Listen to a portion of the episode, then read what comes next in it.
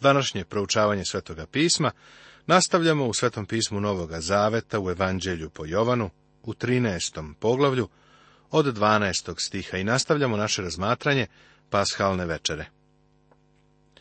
A kada im opra noge, uze svoju gornju haljinu i leže opet za trpezu, pa reče, razumete li šta sam vam učinio? Zovete me učiteljem i gospodom i dobro kažete, jer sam ja to. Pa kad sam ja, gospod i učitelj, oprao noge vama, i vi ste dužni da perete noge jedan drugome, jer vam dadoh primjer da i vi činite onako kako sam ja vama učinio. Zaista, zaista kažem vam, sluga nije veći od svoga gospodara, niti je poslanik veći od onog koji ga je poslao. Kad to znate, bit ćete blaženi, ako to činite. Ako želiš radost za svoj današnji život, prijatelju hrišćanine, idi kod Isusa i priznaj mu sve.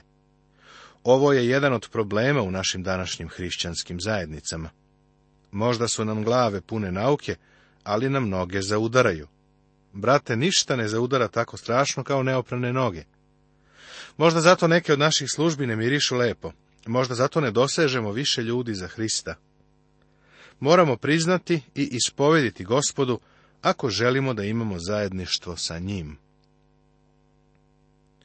Isus je rekao da kao što je on oprao njihove noge, tako oni treba da peru noge jedni drugima.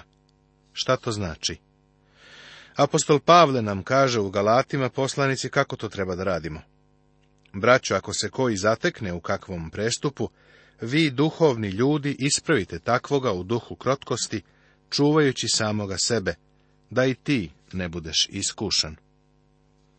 To znači da kada bratu Hristu padne u greh, mora da obnovi svoje zajedništvo i u tome treba da mu pomogne neko ko je duhovan.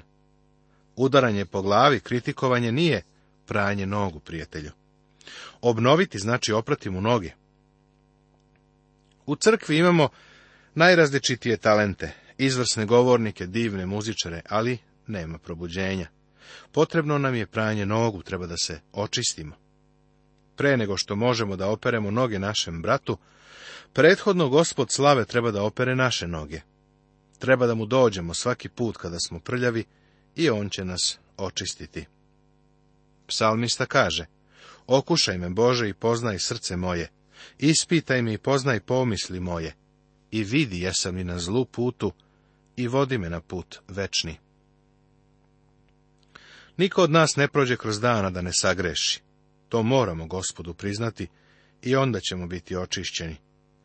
Oprani smo Božijom rečju. Naše noge stavljamo u njegove ruke, što znači da mu se potpuno predajemo. Ovo nam omogućava zajedništvo sa gospodom Isusom. Prijatelju, ne dozvoli da i jedan jedini dan prođe bez ovog zajedništva. Ne dozvoli da greh prekine to zajedništvo sa njim. U toj gornjoj sobi učenici su bili kao grupa dece. Bili su uplašeni i to sa pravom. Senka krsta se nadvila na tom malom grupom. Ne govorim za sve vas. Ja znam koje sam izabrao, nego treba da se ispuni pismo. Koji jede moj hleb, podiže svoju petu na mene. Isus je vrlo pažljiv i kaže da ne govori svima njima. Upravo im je rekao da su srećni ako to čine, ali je među njima jedan čovek koji to ne može činiti. Znaš li zašto? Jer nije verovao. Isus im je već rekao da nisu čisti svi oni. Rekao je, zovete me učiteljem i gospodom. Učitelju treba verovati. Gospodu treba biti poslušan. Vera i poslušnost idu zajedno. Spasavajuća živa vera vodi ka poslušnosti, Juda nije imao tu veru. Isus citira psalam 41. Koji jede moj hleb, podiže svoju petu na mene. Govori o judi. Ovde nije reč o tome kako ovaj čovek gubi duhovni život. Ovo je preotkrivenje da on nikada nije ni imao duhovni život. On nije ovca koja se isprljala. On je svinja koja se ponovo vratila u svoju kaljugu ili pas koji se vratio u svoju bljuvotinu. To je slika Jude iz Kariotskog. Ipak i on je bio prisutan tamo u gornjoj sobi i Isus mu je oprao noge. Primio je pranje Božjom reću i u potpunosti ga je odbacio. Hajde da još jednom ovo proradimo da bi bilo potpuno jasno. Krv Isusa Hrista je božanska strana njegove žrtve. Krv služi za okajanje njaših greha krv otpisuje svu moju krivicu i pere taj užasni crni izveštaj koji je protiv mene. Omogućava mi da stojim pred Bogom, jer je voda očistila moje prestupe. Krv je kazna za ispaštanje. Očišćenje vodom je ljudski aspekt ovoga. Služi našem moralnom očišćenju. Kada smo stali pred Boga na temelju krvi Isusa Hrista, voda reči Božije nam daje moralno očišćenje u svakodnevnom životu. Od sada vam govorim, preno što se zbude, da poverujete, kad se zbude, da sam to ja. Isus im kaže da će jedan od njih podići petu na njega. Kada se to desi, ne treba da budu šokirani. Sada ne mogu reći da je šteta što Isus zato nije znao. Da li si ikada primetio da je Isus iznutra izdat? Ovo važi i za danas. Ljudi se žale na greh koji se nalazi izvan crkve, ali to ne utiče na crkvu. U stvari, neki od tih grešnika bivaju spaseni. Povrede i štete nastaju kada je Isus izdat iznutra. Zaista, zaista kažem vam, ko prima onoga koga pošaljem, mene prima, a ko prima mene, prima onoga koji je mene poslao. Isus ovo dodaje jer je Juda bio poslat u misiju sa ostalim učenicima. Propovedao je i isceljivao. Ko prima onoga koga pošaljem, mene prima. Ako prima mene, prima onoga koji je mene poslao. Niko se ne spasava verom glasnika ili propovednika. Spasavamo se tako što čujemo reč Božiju i primamo Hrista. Ako ti poštar donese telegram u kome piše da je tvoj bogati ujak umro i ostavio ti nasledstvo, činjenica što je možda poštar lopov neće obezvrediti poruku telegrama, zar ne? Znam jednog propovednika koji je postao nevernik. Čovjek koji me vozio na železničku stanicu rekao mi je, doktore me giz zbunjen sam. Doživeo sam spasenje pod službom tog čoveka. Znam da jesam spasen i znam da sam dete Božje, ali sam zbunjen. On je napustio veru. Kako vi to objašnjavate? Pokazao sam u ovaj tekst i rekao da je čak i Juda išao da propoveda i da je zadobijao obraćenike, ne zato što je bio Juda, nego zato što im je davao poruku. Bog će blagosloviti svoju reč. Spasavamo se slušanjem reči. Rekavši to, Isus se uzbudi u duši, te posvedoči i reče, zaista, zaista kažem vam, da će me jedan od vas izdati. Tada se učenici zgledahu među sobom u nedoumici za koga govori. A jedan od njegovih učenika, koga je Isus ljubio, ležaše za trpezom do Isusovi grudi. Tada namagnu na njega Simon Petar i reče mu, reci, o kom govori? Tako se on nasloni na Isusove grudi i reče mu, gospode, ko je to? Ako misliš da Isus nije bio dirnut činjenicom da će ga juda izdati, varaš se. Bio je uznemiren u duhu. Učenici su bili zapanjeni.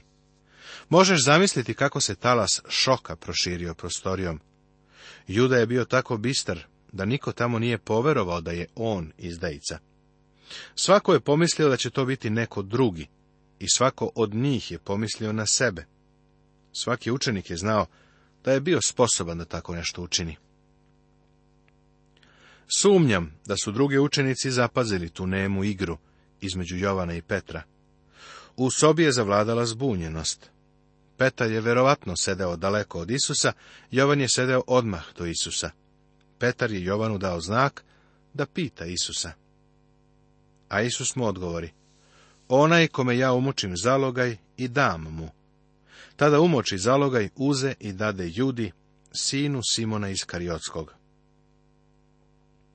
Običaj domaćina na gozbi bio je da uzme komad hleba, da umoči u sos i da ga ponudi počasnom gostu. Ovim svojim gestom gospod obeležava judu kao svog počasnog gosta. On mu pruža simbol prijateljstva. Juda je na raskrsnici. Hristos sve do kraja drži otvorena vrata za judu. Čak će mu i u vrtu reći, prijatelju, zašto si došao? Držeći i dalje otvorena vrata za judu. Isus je znao šta će Juda učiniti. Kao što je neko rekao, znanje unapred nije uzrok. To znači da iako je gospod znao šta će Juda učiniti, nije ga gospod primorao da to uradi. U stvari, Isus je sve do kraja nudio Judi prijateljstvo. I pošto je uzeo zalogaj, uđe u njega satana. Isus mu pak reče, što činiš, čini brže. Sotona je polako preuzimao ovoga čoveka. Ne verujem da ikada Sotona odjednom nekoga zauzme. Mnoge male greške i dopuštaju Sotoni da se poštepeno useljava. Zatim, konačno, on preuzima. Gospod je Judi dao priliku da ga primi, ali je Juda gospodu okrenuo leđa. Zatim je ušao Sotona i preuzeo ga potpuno. Juda donosi sopstvenu odluku. Bog nikada čoveka ne šalje u pakao ukoliko se pre toga sam čovek ne pošalje tamo. Vidiš, Bog potvrđuje čovekovu odluku. Bog podržava predlog. Kada čovek kaže da prihvata Hrista, Bog odgovara, podržavam to, prihvatam te. Kada čovek kaže da odbacuje Hrista, kao što je ovdje Juda učinio, Bog odgovara, podržavam tvoju odluku. Sada mu Isus kaže da brzo ide. Iako je doneo ovu odluku, nije bez Božije kontrole. U stvari prisiljen je da sarađuje sa Bogom. Vidiš, religiozne vođe nisu želele da uhapse Isusa i da ga razapnu, dok je mnoštvo naroda bilo prisutno na prazniku. Želeli su da čekaju dok se praznik završi. Ali gospod mu kaže da sada ide i da brzo uradi šta ima. Tako Juda mora da izađe i kaže vođama da je pronašao Isusa i da oni moraju brzo da deluju. Ali niko od onih što su ležali za trpezom nije razumeo zašto mu je to rekao. Niko za stolom nije sumnjao da je Juda izdajica. Neki mišljahu, kako je kod Jude bila blagajna, da mu Isus reče, kupi šta nam treba za praznik ili da nešto da siromasima zapazi da gospod nije molio za pomoć. Imali su blagajnika, svoj posao su obavljali na poslovan način. Vidimo i to da i gospod nije nahranio služeći se čudom. Morali su da odu i da kupe hranu. Ovo nije bila neka udaljena grupa. Juda je bio blagajnik. U rukovanju novcem uvek postoji iskušenje, to važi i danas. U doba pashe prilozi su se davali za siromašne. Zato su učenici mislili da je gospod o tome govorio judi, spominjući mu kupovinu. Tada juda uzevši zalogaj odmah iziđe, a bila je noć. Također zapazi da je bila noć kada je juda izašao. Prijatelju za judu je to bila večna noć. Bio je to đavolski dan, a on je uvek poput tame koja se nadvila nad Egiptom. Ovaj čovjek je izišao u večnu noć. Bog radi polako, đavo radi brzo. Đavo mora da radi brzo jer su mu dani ograničeni. Bog ima svu večnost da ispuni svoje namere. Mi često to ne razumemo. Sada u sobi imamo promenu. Juda je otišao, a gospod počinje da govori ovim ljudima. Oni su uplašeni. Senka krsta se nadvila na tom malom grupom u gornjoj sobi. Gospod se trudi da ove ljude podigne sa niskog na visoko mesto, sa ovde i sada, na ono što dolazi posle. Želi da ih uzdigne sa materijalnog na večno, sa svetovnog na duhovno. Iako ga Simon Petar prekida, mislim da Isusova beseda počinje baš ovde i da se produžava i u 14. poglavlje. A kad iziđe, Isus reče, sad se proslavio sin čovečiji, i Bog se proslavio u njemu. Ako se Bog proslavio u njemu i Bog će njega proslaviti u sebi i odmah će ga proslaviti. Gospod Isus sada ulazi u duhovno carstvo. Sin čoveči će se proslaviti, a to će se postići kroz njegovu smrt i vaskrsenje.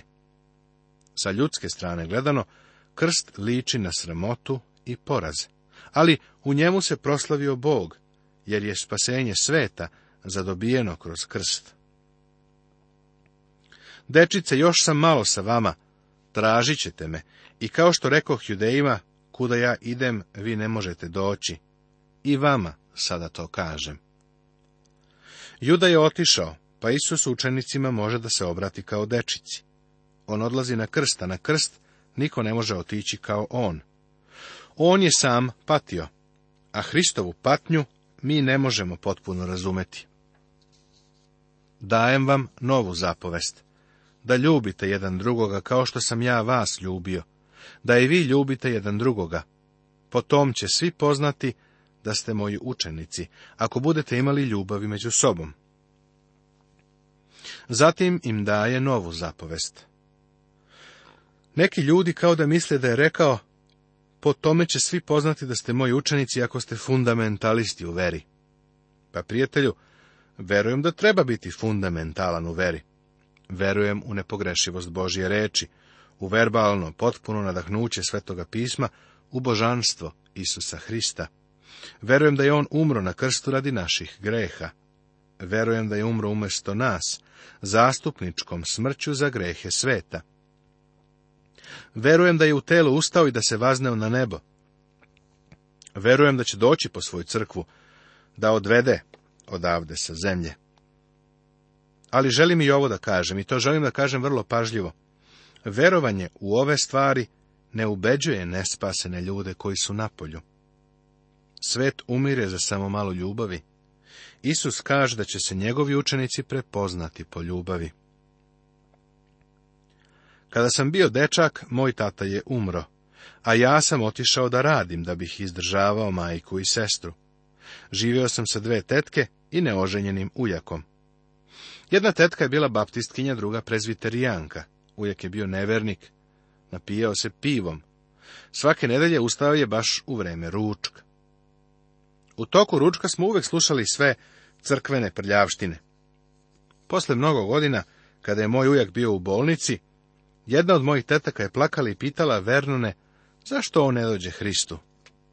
Prijatelju, moram da kažem da ljude ne zadobijamo tako što postajemo hrišćani kanibali. Ako se pak međusobno ujedate i izjedate, pazite da jedan drugoga ne istrebite, kaže poslanica Galatima u petom poglavlju. Ovo su one stvari koje danas nespasene ljude odvrćaju od crkve. Iz ovog razloga oni ne dolaze da slušaju evanđelje. Pre nego što čuju evanđelje, čuju ogovaranje. Da li shvataš da najznačajnija zapove za hrišćane nije da svedoče niti da služe, nego da vole druge vernike? Tartulijan piše da je rimska vlast bila uznemirena zbog prve crkve. Hrišćani su brojčano naglo rasli. Pošto nisu uzimali ni mrvicu tamjana, niti su ga stavljali pred Cezarovu sliku, Rimljani su se plašili da će možda biti nelojalni. Špijuni su otišli na hrišćanski skup. Vratili se sa otprilike ovakvim izveštajem. Ovi hrišćani su vrlo neobičan narod. Okupljaju se u praznoj prostori radi bogosluženja.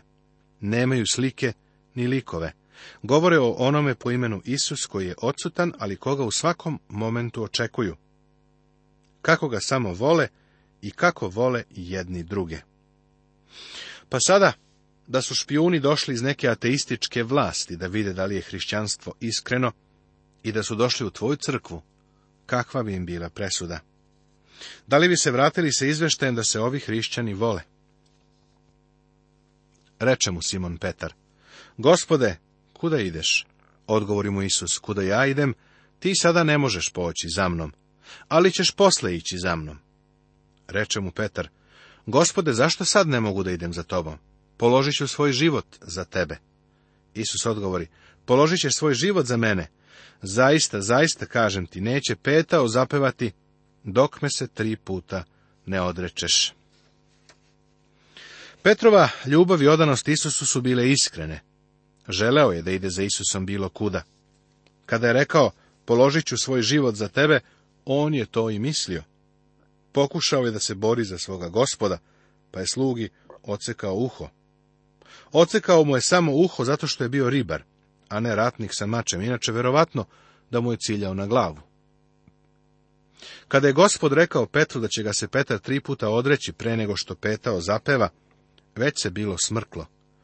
Zato Petar nije verovao da bi mogao svoga gospoda da se odrekne pre zore. Kakvu samo pouku imamo ovde? Petar se preterano pouzdao u sebe. Iz ovoga možemo shvatiti da u telu ne treba da se pouzdamo.